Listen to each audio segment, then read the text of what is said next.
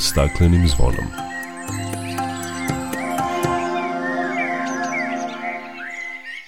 Poštovani slušalci, dobar dan.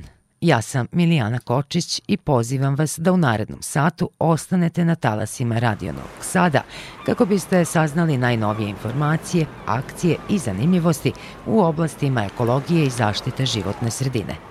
Predstavit ćemo vam interesantne ideje poput mogućnosti iskorišćavanja mulja kao građevinskog materijala, ali i pokrenuti važna pitanja o zaštiti zdravlja stanovništva ugroženog nemarom velikih zagađivača – Saznaćete kako je obeležen Međunarodni dan planete, a upoznaćete i pojedince koji svojim primerom hiljadama pređenih kilometara pešice ili biciklom žele da doprinesu ublažavanju posledica klimatskih promena. Čućete i kako sami možete da napravite hotel za insekte i čemu on zapravo služi.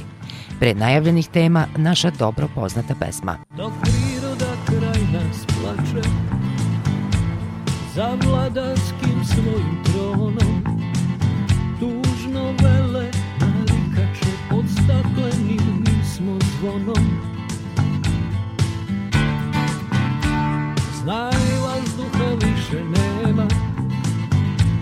Sve manje je i ozona Protiv sebe ide čovek i to često bez pardona. Uništenju živog sveta Kao da su ljudi skloni. Čovek sam je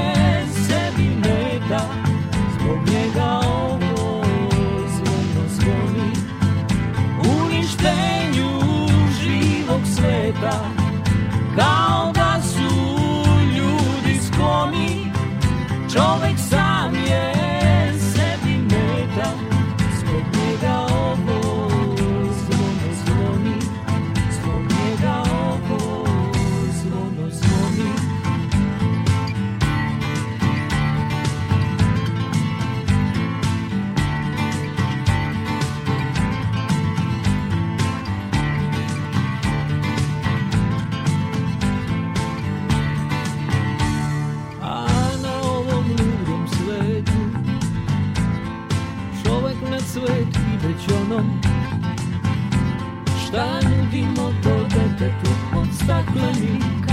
kad smo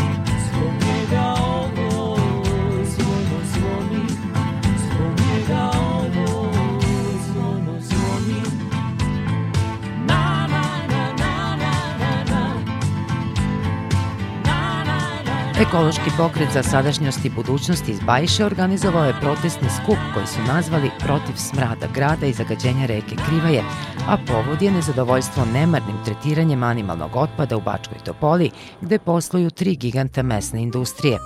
O tome smo razgovarali sa predsednikom upravnog odbora tog ekološkog pokreta, doktorom Peterom Červenjakom. Od kada postoji taj problem, koliko dugo ukazujete na njega i šta se do sada uradilo po tom pitanju? Ovo je proteste počeo još pokojni Pečurica profesor još tamo 14. godine. Naime, problem je u tome što je naša industrija najveći zagađivač rečice Kriva. Rečice Kriva je jedna autohtona reka, prolazi kroz Bačku Topolu i izgradnjom brane na njoj je nastalo ovo jako lepo Bačko-Topolsko Veštačko jezero koje je prvenstveno namenjeno za meliorijaciju, ali je i zaštićeno područje. E, Kriva je mala, mali vodotok i ovaj prvi zagađivač je bio sam grad. On je svoje fekalne materije upuštao u Krivaju. Potom je e, dve klanice, industrija mesa Bačka Topola i Topiko, ona je terutina, u grupaciji terutina Ptuj. Treći zagađivač je Žibel, to je AIK Bačka Topola, radna jedinica Žibel. Ona služi za prerađevinu animalnog otpada treće i četvrte kategorije. E, ta rečica je toliko mala da nije mogla da istrpi ovako enormno zagađenje i ona je skroz umrla, nema više života u njoj. Zbog anaerobnih procesa truljenja ona i smrdi, ona je u stvari pretvorena u površinu septičku jamu, znači kanalizaciju površinu koja leti i tekako smrdi u svoj vodotok, tako da je e, ugrožavala i Bajšu, to su naselja nizvodno od Bačke Topole, znači Bajšu, Mali Iđoš i tako sve do Srbobrana, gde se Krivaja uliva u Veliki Bački kanal. Naravno, ti protesti su delom zbog krivaje, a drugim delom zbog samog žibela. On, prerađujući te animalne otpade, ima u svojoj protestnim tehnologijama, staraju se jako neprijatne mirisne materije, izuzetno smrde. Naravno, projektovan je neadekvatan e, filter za vazduh, a samim kvarovima i nepravilnim održavanjem je emisija tih smradova bila, bila nesnosna za grad. To je gospodin Pečurica već 48 puta organizovao te proteste i nažalost on je preminuo pre tog 48 protesta I onda smo mi nastavili da protestujemo svakog 17. u 17 časova. A sam povod za protest je javna rasprava o projektu uticaja na životnu sredinu, studija uticaja na životnu sredinu e, Žibela, koji je to e, po svojoj zakonskoj obavezi e, i objavio. Znači, javna rasprava će biti 26.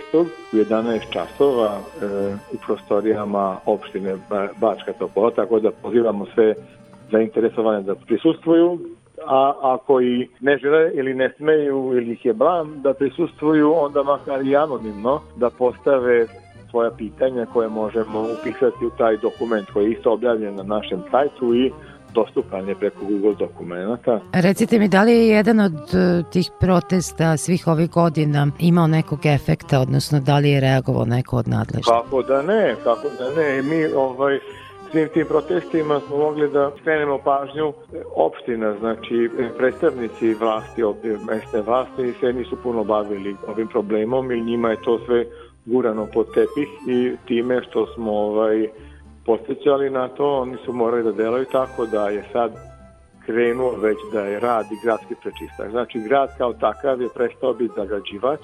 Prečistač je izgradio Top Topiko. Industrija mesa nije, ona upušta svoju, svoje otpadne vode ovaj, u lagunu jednu i koju postaje proba nekim mikroorganizmima da ostane, ali oni i dalje zagađaju.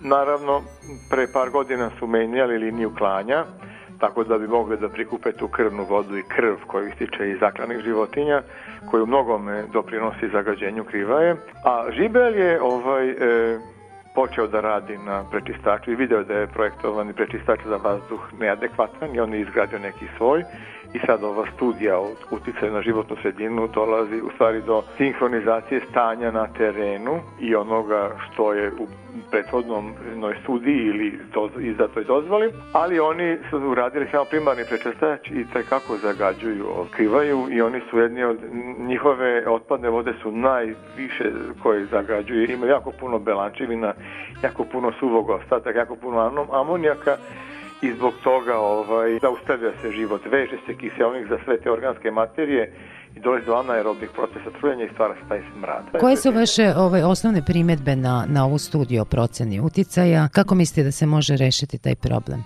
Prvo i prvo u vezi ovoga što sam rekao, jako je blizu taj gradski prečistač. I primarnim prečistačem, dok se ne izgradi njihov sekundarni prečistač, mogu cevo, cevima da odvedu vodu u, se, u gradski prečistač i da se tamo prečisti. To bi bilo dobro i za gradski prečistač jer ima jako mali priliv otpadnih materija, kanalizacijenih voda, manji nego optimum za rad, a i ne bi išlo direktno u krivaju. Sa druge strane ukazali smo i na to da e, je uredba koja dozvoljava zagađivačima zagađivanju plaćanje te naknade neustavna jer abolira sve te zagađivače time što plaćaju tu naknadu koja se obračunava kvartalnim merenjima kvaliteta i količine vode u recipijent, jer je mnogo jeftinije zagađivačima plaćati tu globu sa jedne strane, nego projektovati, izgraditi i održavati prečistač otpadnih voda. Sa druge strane, apelovali smo da već kad ta sredstva se i uplaćaju, da ona ostanu na lokalnom nivou, da ne idu dalje u Beograd, da se sliju tamo u budžet i da se troši, to isto onda i u interesu države, da njoj nije interesu da se rešavaju takve stvari, nego ta sredstva da ostanu na lokalu, da ti zagađivači kojima isto tako interesu da reše svoje zagađenja, ta sredstva mogu da koriste kao postoji ta energozelena u Indiji koja već radi, koja je greškom, ne znam, sad neće da ulazim u detalje, predimenzionirana i ima jako veliki kapacitet. Isti je problem kao, kao sa topovskim prečistačem, velike dimenzije e, postrojenja, a mali prinos otpadnih materija, tako da ako bi se možda i, i žibel zatvorio, otpadne materije bi se mogli nositi tamo skrenuli smo i pažnju na to da se ta krvna voda koja se već može skupljati i u, žibe, i u, to, i u industriji mesa topola i u topiku, zašto se ne odnosi nego ostaje tamo da im otežava čišćenje krvnih voda. Žibea se hvali time, pa čak i ovom dokumentu, da ovaj da da imaju liniju za proizvodnju i granula od krvi za preradu e, krvi i krvne vode. Kao i skrenuli smo im i pažnju na to da da da nisu pošumili ništa, naime taj smrad je teži od vazduha i nisu zasadili ni jedno drvo da balo bar uspori protok vazduha kako ide, kako retu krive i da ovaj da to uspore. A sa treće strane lagune koji danas koriste smo predložili da pretvore u neke vodene površine koje bi sa jedne strane bile za barske ptice vodena površina koju bi koristili, a sa druge strane preko tih laguna bi išla i pročišćena njihova voda koja bi imala sve normalne kvalitete, ali u slučaju havarije ili akcidenta ne bi odmah ulazila u mala recipijent krivaju, nego bi tu imala neka pufer zona koja bi mogla privremeno dok je ta havarija da stoji i da da odloženo prima tu vodu, da ne direktno u recipijent. Hvala vam najlepše što ste govorili za emisiju pod staklenim zvonom, bio predsednik upravnog odbora ekološkog pokreta za sadašnjost i budućnost iz Bačke Topole.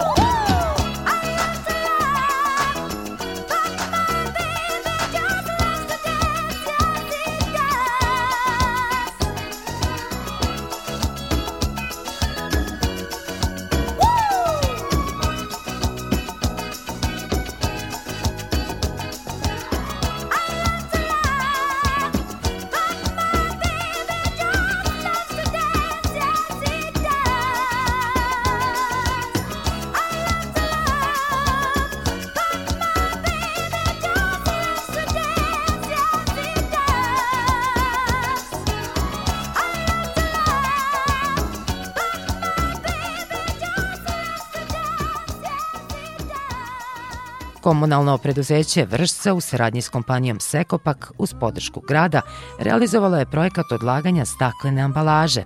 Takozvana zvona za staklo postavljena su na više mesta u gradu kao i po okolnim selima.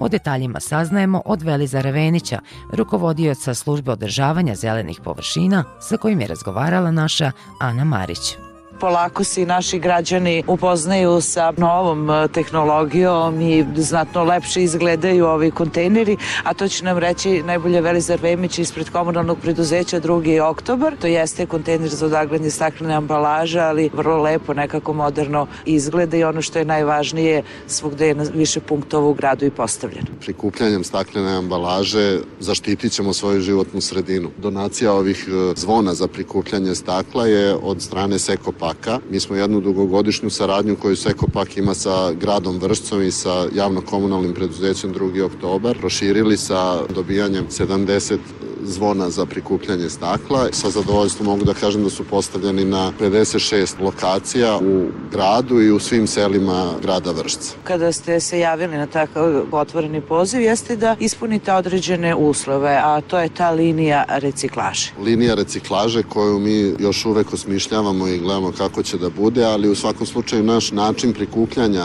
otpada, edukacija koju sprovodimo sa, sa građanima, pilot projekti koje sprovodimo u, u jednom, a evo da najavim, proširit ćemo u još jednom ovaj naselju grada Vršca, pokazali su našu volju, e, mogućnosti koje Vršac kao grad ima i volju stanovništva da se pridruži svemu tome i da shvati značaj reciklaže u današnje vreme i moramo stvoriti i mogućnost građanima da recikliraju, a raspoloženje svakako postoji. E, reciklažom jedne tone stakla uštedit ćemo 19 litara nafte, 42 kWh električne energije i štedi se 1,2 tone sirovine od koje se, od koje se pravi staklo. Uštede su velike i to je taj deo koji treba da ispratimo uopšte u toj cirkularnoj ekonomiji kako bismo imali e, i sačuvali neke prirodne resurse i energiju, a samim tim i životnu sredinu. Tako da nije beznačajno ovde doneti ambalažno staklo i ubaciti ga ovde, a ono da ide na e, dalji tretman.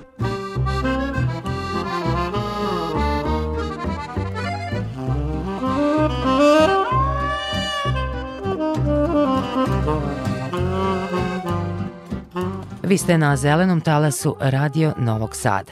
Svakog proleća u susret 22. aprilu, Međunarodnom danu planete Zemlje, pokret Gorana Vojvodine organizuje program Nedelja sećanja na profesora Miodraga Radolovačkog, kako bi podsjetili na njegov značajan doprinos očuvanju kulturne i prirodne baštine Sremskih Karlovaca. Ovo je deveta godina kako pokret organizuje manifestaciju, a jedan dan bio je posvećen upravo prisjećanju na reči i dela tog dobrotvora, objašnjava Marko Ljubičić iz pokreta Gorana.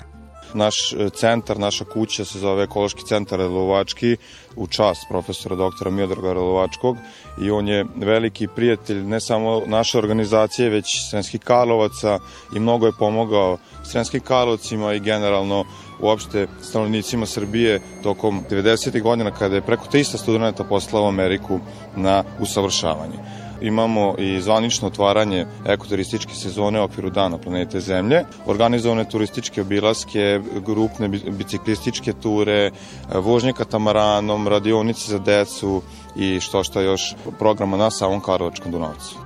Protekle sedmice program povodom Dana planete okupio je brojne ljubitelje prirode, aktiviste u zaštiti životne sredine, ali i donosioce odluka. Tako je u prisustvu predstavnika nadležnih institucija održana tribina o izazovima u oblasti unapređenja energetske efikasnosti u Sremskim Karlovcima, s obzirom na to da je reč o gradskom jezgru koje je pod zaštitom kao spomenik kulture, kaže za Radio Novi Sad Dušica Milenković iz pokreta Gorana Vojvodine.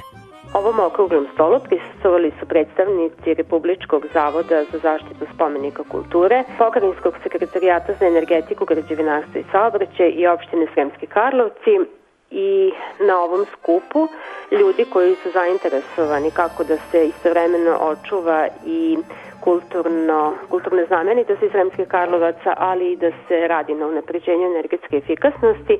Bilo je puno konstruktivnih predloga i mera koje bi mogle da se sprovedu kako bi se postigao ovaj cilj, a neke od njih su da se pred sledeći postupak raspisivanja konkursa vezanog za unapređenje energetske efikasnosti u Sremskim Karlovcima organizuje Dan otvorenih vrata kada bi u našem centru, u ekološkom centru Rodolovački bio predstavnik Republičkog zavoda za zaštitu spomenika kulture koji bi pomogao ljudima koji su zainteresovani za unapređenje energetske efikasnosti, kako da pripreme zahtev i kako da na najbolji i najdraži način dobiju dozvolu od ovog zavoda. Otvorena je i ekoturistička sezona u Sremskim Karlovcima, a posetiocima svih uzrasta predstavljene su mogućnosti za aktivan odmor u tom mestu na obali Dunava, napominje naša sagovornica Dušica Milenković.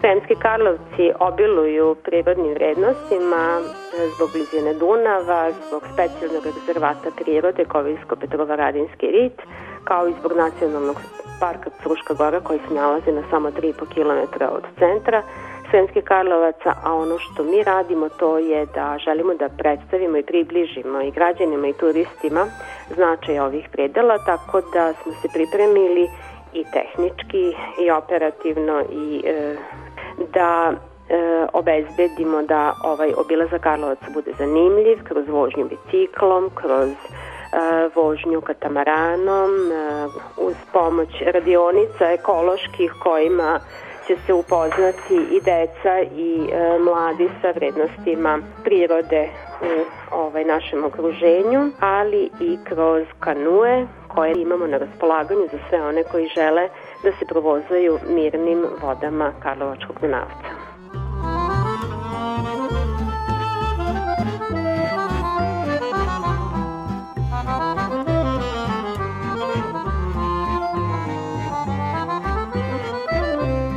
Ekološki pokret Padina ove godine obeležava 10 godina od osnivanja, a cilj od početka im je bio da urede šumu koja preseca Padinu.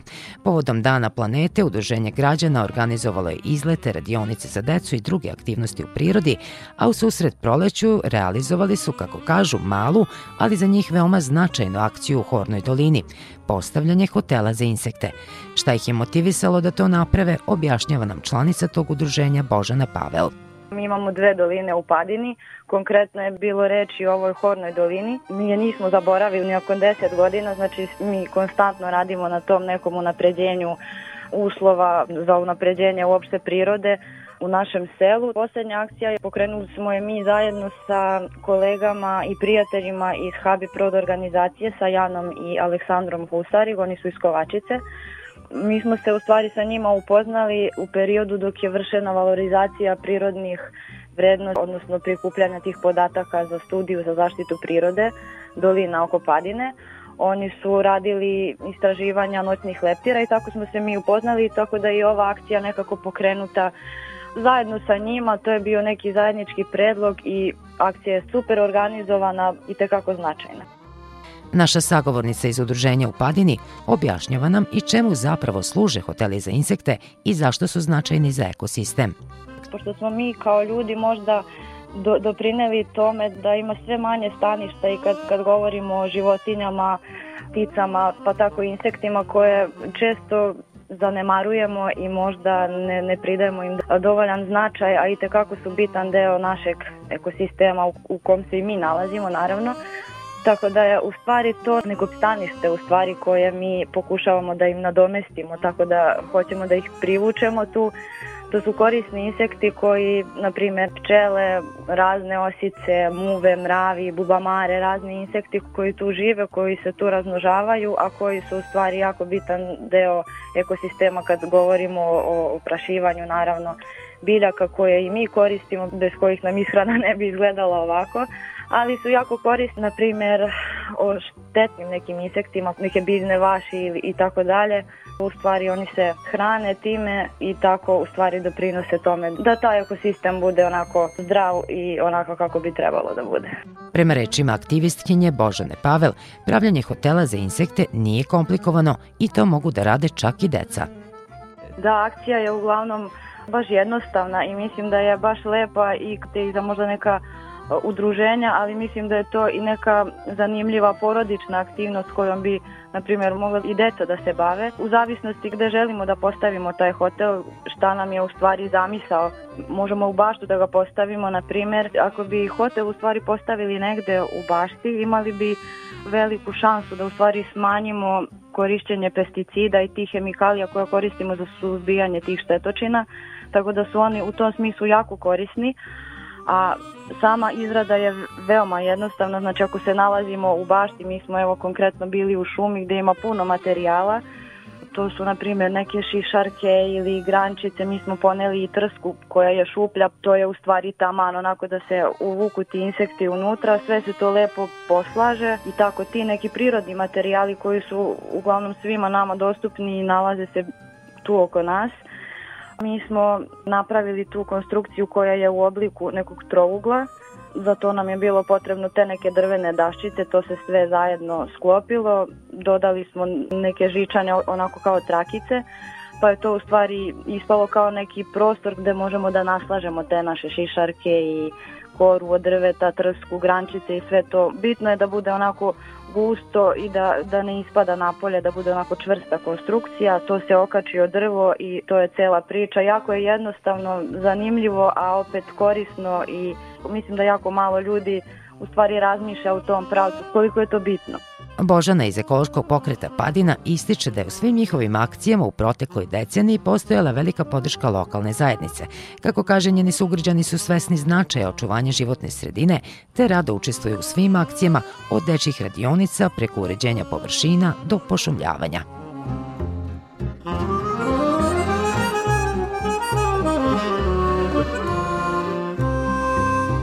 Ove godine će se raditi na pošumljavanju obala Tamiša u Pančevu. Planirano je da šetalište na Keju bude ulepšeno sa nekoliko stotina novih sadnica, kao i da se urede zelene površine. Detaljnije o tome Aleksandra Vlajić. Kada govorimo o pošumljavanju, to je jedan e, novi projekat koji će se sprovoditi ove godine, zajednički projekat e, grada Pančeva i Ministarstva za zaštitu životne sredine i na kraju ove godine imaćemo nekoliko stotina novih e, stabala ovde na našem tamiškom keju i bit će sređene pojedine zelene površine. O samo tome pričamo i sa našom gošom, Maja Vitman, gradska menadžerka je sa nama. Da prvo krenemo sa ovim projektom koji će biti ove godine pošumljavanje Tamiša. Nedavno je potpisan ugovor i kreće se naravno sadnje na jesen, ali pripremene radnje uskoro kreću. Jeste, mi smo e, velika sredstva uložili u toku prošle godine, krenuli smo sa rekonstrukcijom i izgradnjom naše buduće promenade, a sad uveliko jednog divnog mesta i šetališta, okupljanja svih mladih, kako i generacije, tako pančevke i pančevaca i naravno ovde se nalazi jedno divno industrijsko nasledđe, kao i kulturna baština koju imaju sve pančevke i pančevci. Mi smo uh, skoro potpisali jedan fantastičan ugovor, a to je za pošemljavanje u cilju održavanja postojećeg diverziteta na samoj lokaciji e, u smislu da ćemo zasaditi 300 novih drvenastih e, sadnica raznih autoktonih vrsta lišćara. Suština nam je bila da zadržimo postojeću lepotu keja, da je oplemenimo sa dodatnim zelenilom. Sadnice će biti posađene na udaljenosti od 5 metara. U pitanju je gornje i donje šetalište. Biće urađeni dupli drvoredi u donjem šetalištu. Gore naravno gde god ima mogućnosti će se posaditi novo stablo. U pitanju su svakako stabla koja su visokog kvaliteta. Kad to govorimo, to je visine od 3 do 3,5 metara i u prsnom obimu je od 20 do 25 cm. Oni koji se razumeju u stablo znaju šta govorimo, a u saradnji sa javnim komunalnim preduzećem Zelenilo svakako smo se trudili da to budu domaće autoktone vrste koje mogu da borave i imaju uslova upravo za ovaj predeo kao što je Potomiš i blizina reke i naravno e, donji deo koji e, se u određenim vremenskim periodima u toku godine plavi. Dakle, do kraja godine još lepše kej. Apsolutno da, ova godina nam je to u kompletno e, što se tiče radova u smislu ulepšavanja da kažemo i kada o tome govorimo, znači odnosi se na ozelenjavanje i naravno na sprovođenje još jedne fantastične investicije, a to je uređenje dela sa naše leve strane. U pitanju je postavljanje novog dečeg igrališta na tartan podlozi i površine između 600 i 700 kvadratnih metara sa spravama koje do sad Pančevo nije imalo. Biće kompletno u znaku same reke, neposredne blizine stare železničke stanice koja je nama od velikog značaja, veliki broj filmova, je tako, između oslog i serija je upravo snimljen na ovom podnovlju. To je stalno, stalno atrakcija za sve koji dolaze, tako da će sami elementi sprave koje budu postavljene, kažem nešto što do sada grad Pančevo nije imao, a takođe želim da napomenem da za ovu potrebu ćemo raditi takođe proširenje mreže javnog osvetljenja kao i postavljanje dodatnog urbanog mobilijara što se odnosi na klupe i još stubnih kanti i proširenje mreže javnog osvetljenja. Pored toga sa udruženjem ljubitelja železnica postavit ćemo tri nove komponente koje su inače kulturno dobro. Tako da Kako je simbol ovde grada, mesto okupljanja Pančeva? Jeste, jeste. Ovo će zaista da totalno promeni izgled i e, odlučili smo se upravo za ovu lokaciju zato što ima već taj neki ambientalni sadržaj. Eto, čuli ste šta će se biti rađeno na našem keju u toku ove godine, a svakako ovo je poziv da posetite Pančevo i da uživate u ovom prelepom pogledu na Tamiš, obele Tamiš i ovde sa našeg pančevačkog keja koje je omiljeno pančevcima. Toliko za sada iz Pančeva.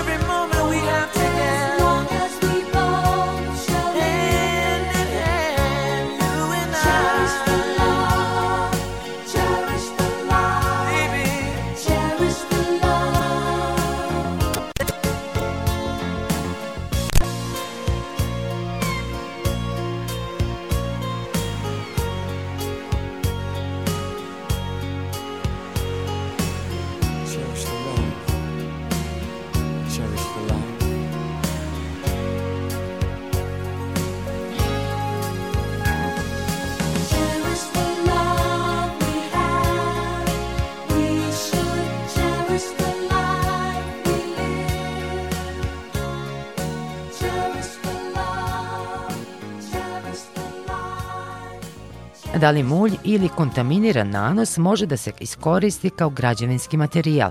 Da li otpadne vode mogu da budu resurs? To su neka od pitanja kojima se bavimo u narednim minutima. Upravo to je sadržaj i cilj tri aktualna projekta Prirodno-matematičkog fakulteta u Novom Sadu, Departmana za hemiju, biohemiju i zaštitu životne sredine, a dr. Jelena Beljin, vanredni profesor, objašnjava nam o kakvim projektima je reč. Projekat Be Used, koji se zapravo bavi sedimentom, traje do 2025. godine. Zapravo sva tri projekta traju do 2025. godine. Projekat e, BIUS se, kao što sam već napomenula, bavi sedimentom i pokušavamo da pronađemo zapravo rešenje za svu količinu izmuljenog sedimenta koji se nalazi u rekama i kanalima.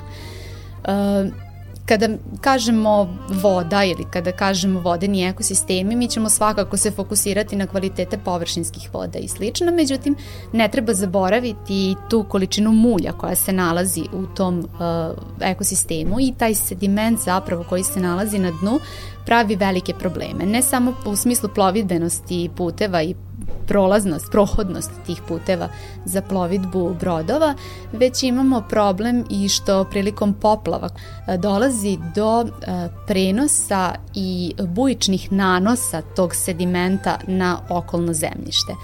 Sediment sam po sebi e, je problematičan iz razloga što on za sebe može da veže različite vrste polutanata, odnosno zagađujućih materija kao što su teški metali ili organski polutanti, koji u kontaktu sa zemljištem i podzemnim vodama dalje prave određene probleme, čak i u smislu zdravstvenih efekata na ljude. E, projekat Be Used, koji je prošao u okviru programa Ideja Fonda za nauku, e, je odnosno tim ljudi koji je ovaj, na ovom projektu je došao na ideju da bi takav sediment zapravo mogao da služi kao građevinski materijal. E, naravno, e, s obzirom da je obično takav sediment kontaminiran, to jest zagađen, e, mi ga tretiramo novim zelenim tehnologijama i pokušavamo da dokažemo da li su efikasni ili nisu efikasni. Tu se naravno uklapamo u nove trendove, to je cirkularna ekonomija, to je održivi razvoj, gde pokušavamo da implementiramo ono što mi znamo o tome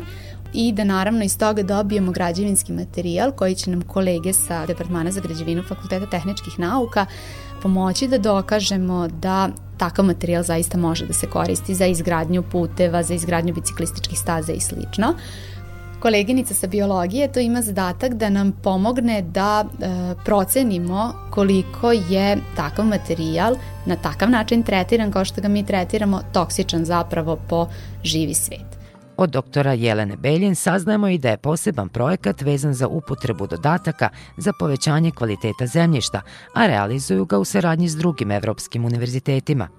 Pokušavamo da procenimo e, da li bi se neki održiviji materijali kao što su e, biočar, kompost, e, muljevi sa, sa postrenja za prečišćavanje otpadnih voda i slično mogli koristiti za povećanje ovaj, kvaliteta zemljišta i naravno da pratimo uticaj tog, tih materijala koje bi dodavali na podzemne vode.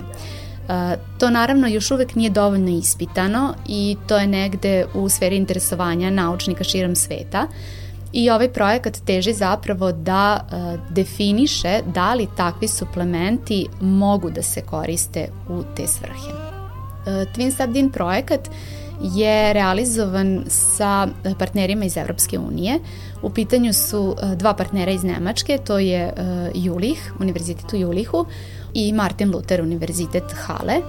Takođe imamo partnere sa Univerziteta u Beču i imamo partnere iz Španije sa instituta iz Sevilje koji imaju zapravo za zadatak da pored toga što ćemo sa njima sarađivati u okviru e, istraživanja i, eksperiment, i eksperimentalnog rada, e, mi takođe imamo e, zadatak da podignemo kapacitet naše ustanove i ovaj poziv zapravo tome i služi taj Horizon Videra 2021 e, služi upravo tome da se booste, odnosno da se podignu kapaciteti naše ustanove gde ćemo mi kroz različite e, seminare, treninge, obuke, putovanja naučiti nešto novo, implementirati neke nove tehnike i tehnologije kod nas. E, pokušat ćemo da kroz realizaciju ovog projekta ne samo naše e, stručno znanje i ne samo sada ovaj, oblasti kojima se mi bavimo, da, da to unapredimo,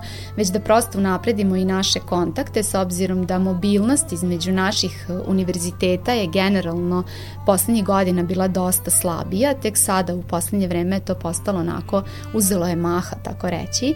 Ove, ovaj, tako da uh, se trudimo na sve moguće načine i da Evropi predstavimo nauku kod nas. Uh, oni kada dođu kod nas dosta su iznenađeni i brojem žena koje učestvuju na našim projektima, uh, iznenađeni su opremom koju imamo, iznenađeni su znanjem koje mi posedujemo s obzirom da uh, nas oni ne doživljavaju kao neke ljude koji bi njima mogli da pariraju. Uh, Mi ćemo kroz ovaj projekat e, imati e, realizaciju osam šestomesečnih poseta za mlade istraživače, gde naše studente doktorskih studija šaljemo u inostranstvo na njihove univerzitete i institute, gde, im, gde će imati priliku da rade na zaista najsavremenijoj opremi koja se trenutno koristi, a istovremeno će biti realizovano 11 jednomesečnih poseta za starije ovaj, istraživače, gde ćemo uh, mi imati priliku da usavršimo znanja koja smo stekli za vreme naših doktorskih studija. Zahvaljujući saradnji sa univerzitetima iz Francuske i Španije na projektu Smart Water Twin, u prilici smo da prvi put otpadne vode tretiramo kao resurs, napominje naša sagovornica sa Departmana za hemiju, biohemiju i zaštitu životne sredine PMF-a. I ovaj projekat je zapravo jedan svojevrstan prvi korak u Republici Srbiji u posmatranju tretmana otpadnih voda u okvirima cirkularne ekonomije koja je karakteristična je tako za BIUS projekat koji sam malo pre ovaj, pominjala.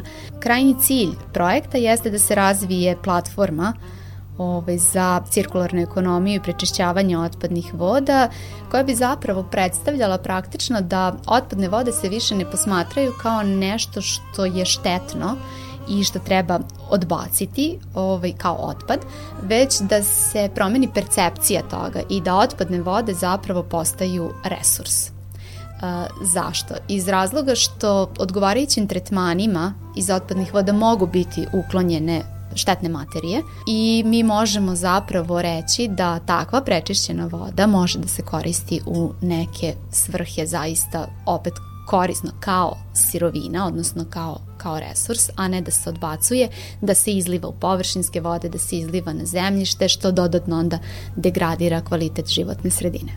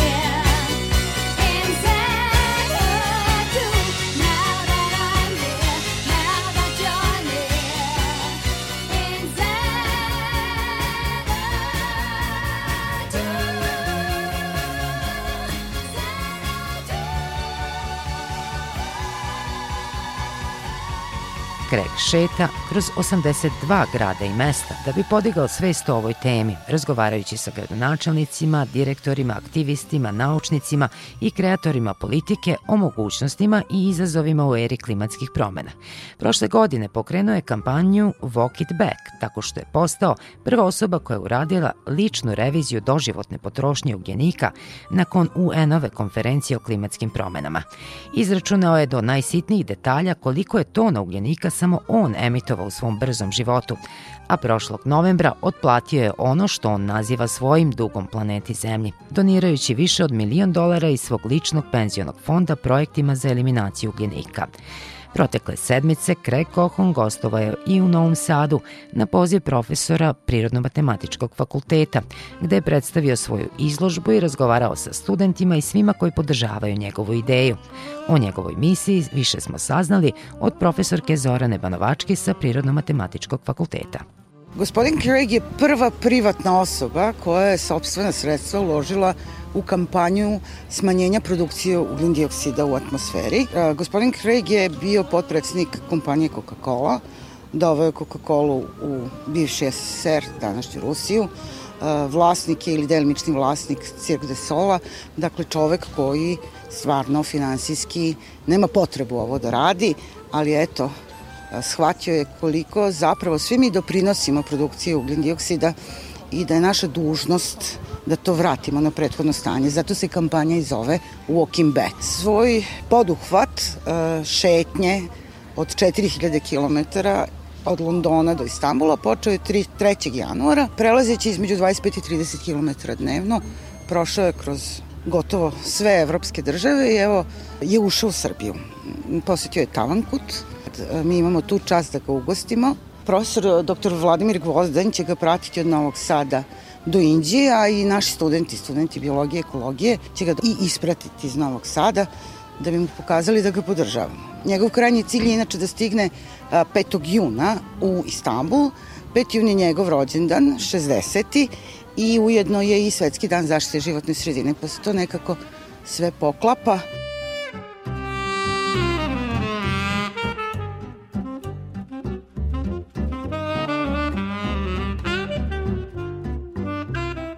U okviru Erasmus programa mobilnosti nastavnog osoblja, Fakultet sporta i fizičkog vaspitanja Univerziteta u Novom Sadu ima potpisan sporazum o saradnji s Fakultetom zdravstvenih nauka Univerziteta u Pečuju. Zahvaljujući tome, novosadski profesori, docent dr. Valdemar Štajer i Nikola Todorović uskoro kreću na zeleno putovanje biciklom, kako bi svojim primerom ukazali na značaj te fizičke aktivnosti, kako za zdravlje pojedinca, tako i za smanjenje zagađenja – Tim povodom rektor Univerziteta u Novom Sadu, profesor dr. Dejan Madić, primio je profesora Todorovića u rektoratu. E, budući da osim toga što imamo razmenu studenta, profesora i osoblja, način na koji će putovati naši profesori i naši istraživači je da to bude zelena agenda bez ugrožavanja životne sredine, to je jedan aspekt, a drugi aspekt zdrav način života. Tako da mi smo danas primili kod Lebu Todorovića, koji je bio, prvo je došao sa biciklom, bio u delu, ali bio i na biciklu sa onom biciklističkom kapom. On nam je objasnio da je to put od nekih, recimo, 160-170 km, onako to se ide malo na, malo na zapad i malo na sever, to bi trebalo traje nekih 6 sati. Isto će uraditi naše kolege kad budu posjećivali Novi Sad, Univerzitet u Novom Sadu. A, neće to promeniti svet, ali pokazuje jednu dobru ideju da je to sinteza akademske misli, razmeni znanja, inovacija, zaštita životne sredine i, i čuvanje zdravog načina života.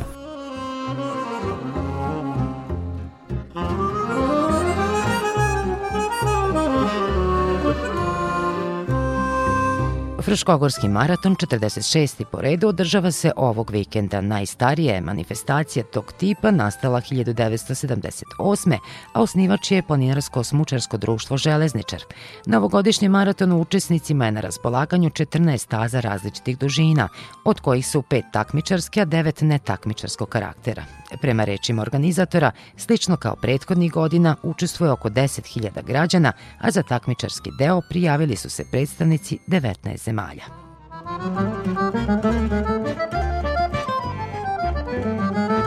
Ukoliko želite da budete dobro informisani i saznate šta je aktuelno u oblasti ekologije i zaštite životne sredine, treba da se prijavite za besplatno elektronsko izdanje e-ekolista koje stiže na vašu mail adresu.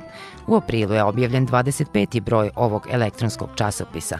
Sa urednicom Ekolista Maricom Puškaš novi broj prelistava Dragan Ratković. Novi broj e-eko lista od naslovne strane, lepih fotografija i možemo reći pravo prolećno izdanje koje je izašlo u susret danu planete i sadrži uvek zanimljive i važne teme iz oblasti ekologije i zaštite životne sredine. Maro, predstavite nam sadržaj 25. novog broja. Šta biste izdvojili za slušaoce Radio Novog Sada? Jeste, na naslovnoj strani imamo jednog slatkog prolećnog zečića ali teme kojima se bavimo nažalost nisu tako ljubke. Pre svega donosimo tekst o šestom izveštaju Međunarodnog panela za klimatske promene, što je trenutno najsveobuhvatniji pregled naučnog znanja o klimatskim promenama. Iako u izveštaju piše da još uvijek ima nade da možemo ostati u okvirima globalnog rasta temperature od 1,5 stepen Celsijusa u odnosu na predindustrijski period, za nas vesti nisu tako dobre, budući da Srbija geografski spada u tu neku mediteransku regiju koja će efekte globalnog zagrevanja osjećati intenzivno. Ono što dodatno budi zemlju jeste to što se naši stručnjaci za klimu slažu da neke ozbiljne akcije na, na vidiku i nema, budući da kasnimo u implementaciji politika i programa ili prosto nemamo potrebnu ambicioznost e, sa usvajanjem ključnih planova i politika koje su neophodne. Još jedan interesantan tekst je o antropocenu, novom geološkom razdoblju koje je inicirao čovek. Naučnici bi uskoro trebalo da izaberu lokaciju koja sumira tu trenutnu epohu kada je Homo sapiens ostavio neizbrisiv trag na geologiju naše planete. Tu su i tekstovi o energetici, kao i analiza Bajdenovog zelenog svetla za kontroverzni projekat bušanja nafte na Aljasci. Meni je posebnu pažnju privukao naslov o tome da li je zaštita od klimatskih promena ljudsko pravo, zapravo o našem uticaju na planetu. Evropski e, sud za ljudska prava prvi put je 29. marta razmotrio e, dve istorijske tužbe koje se bave odgovornošću vlasti za klimatske promene i kojim građani od svojih država traže da ih zaštite od tih promena. Odluka suda očekuje se tek u drugoj polovini godine. Dakle, to je tek početak rasprave koja će, nadamo se, jednom prerasti u ozbiljnu inicijativu i zaživeti. Sa druge strane, posledice razarujućih e, ljudskih aktivnosti e, uskoro bi mogle da u Evropskoj uniji budu proglašene kažnjim krivičnim delom. E, Evropski parlament usvojio je predlog da se ekocid uvrsti u direktivu o zaštiti životne sredine kao krivično delo. Mara, ušli ste u četvrtu godinu izlaženja, štampano izdanje Ekolista prošle godine obeležilo je jubilej 15 godina izlaženja i jedini je takav časopis posvećen temama iz ekologije i zaštite životne sredine. Kada izlazi sledeći broj i kako se naši slušalci mogu prijaviti za ovo besplatno izdanje e-ekolista koje stiže na naše e-mail adrese? Mi smo sve dobre stvari započinjali na proleće.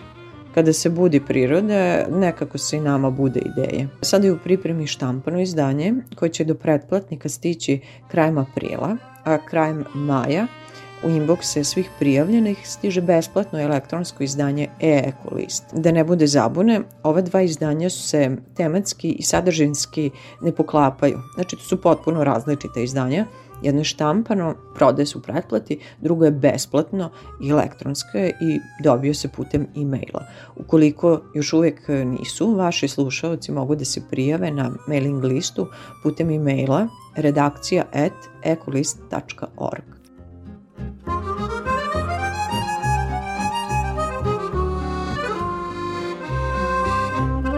Poštovani slušalci, bilo je to sve što smo vam pripremili u ovom izdanju emisije pod staklenim zvonom. Do narednog susreta na Zelenom talasu Radio Novog Sada pozdravljaju vas tonski realizator Sabina Nedić, muzički urednik Maja Tomas i urednik i voditelj Milijana Kočić. Prijetno!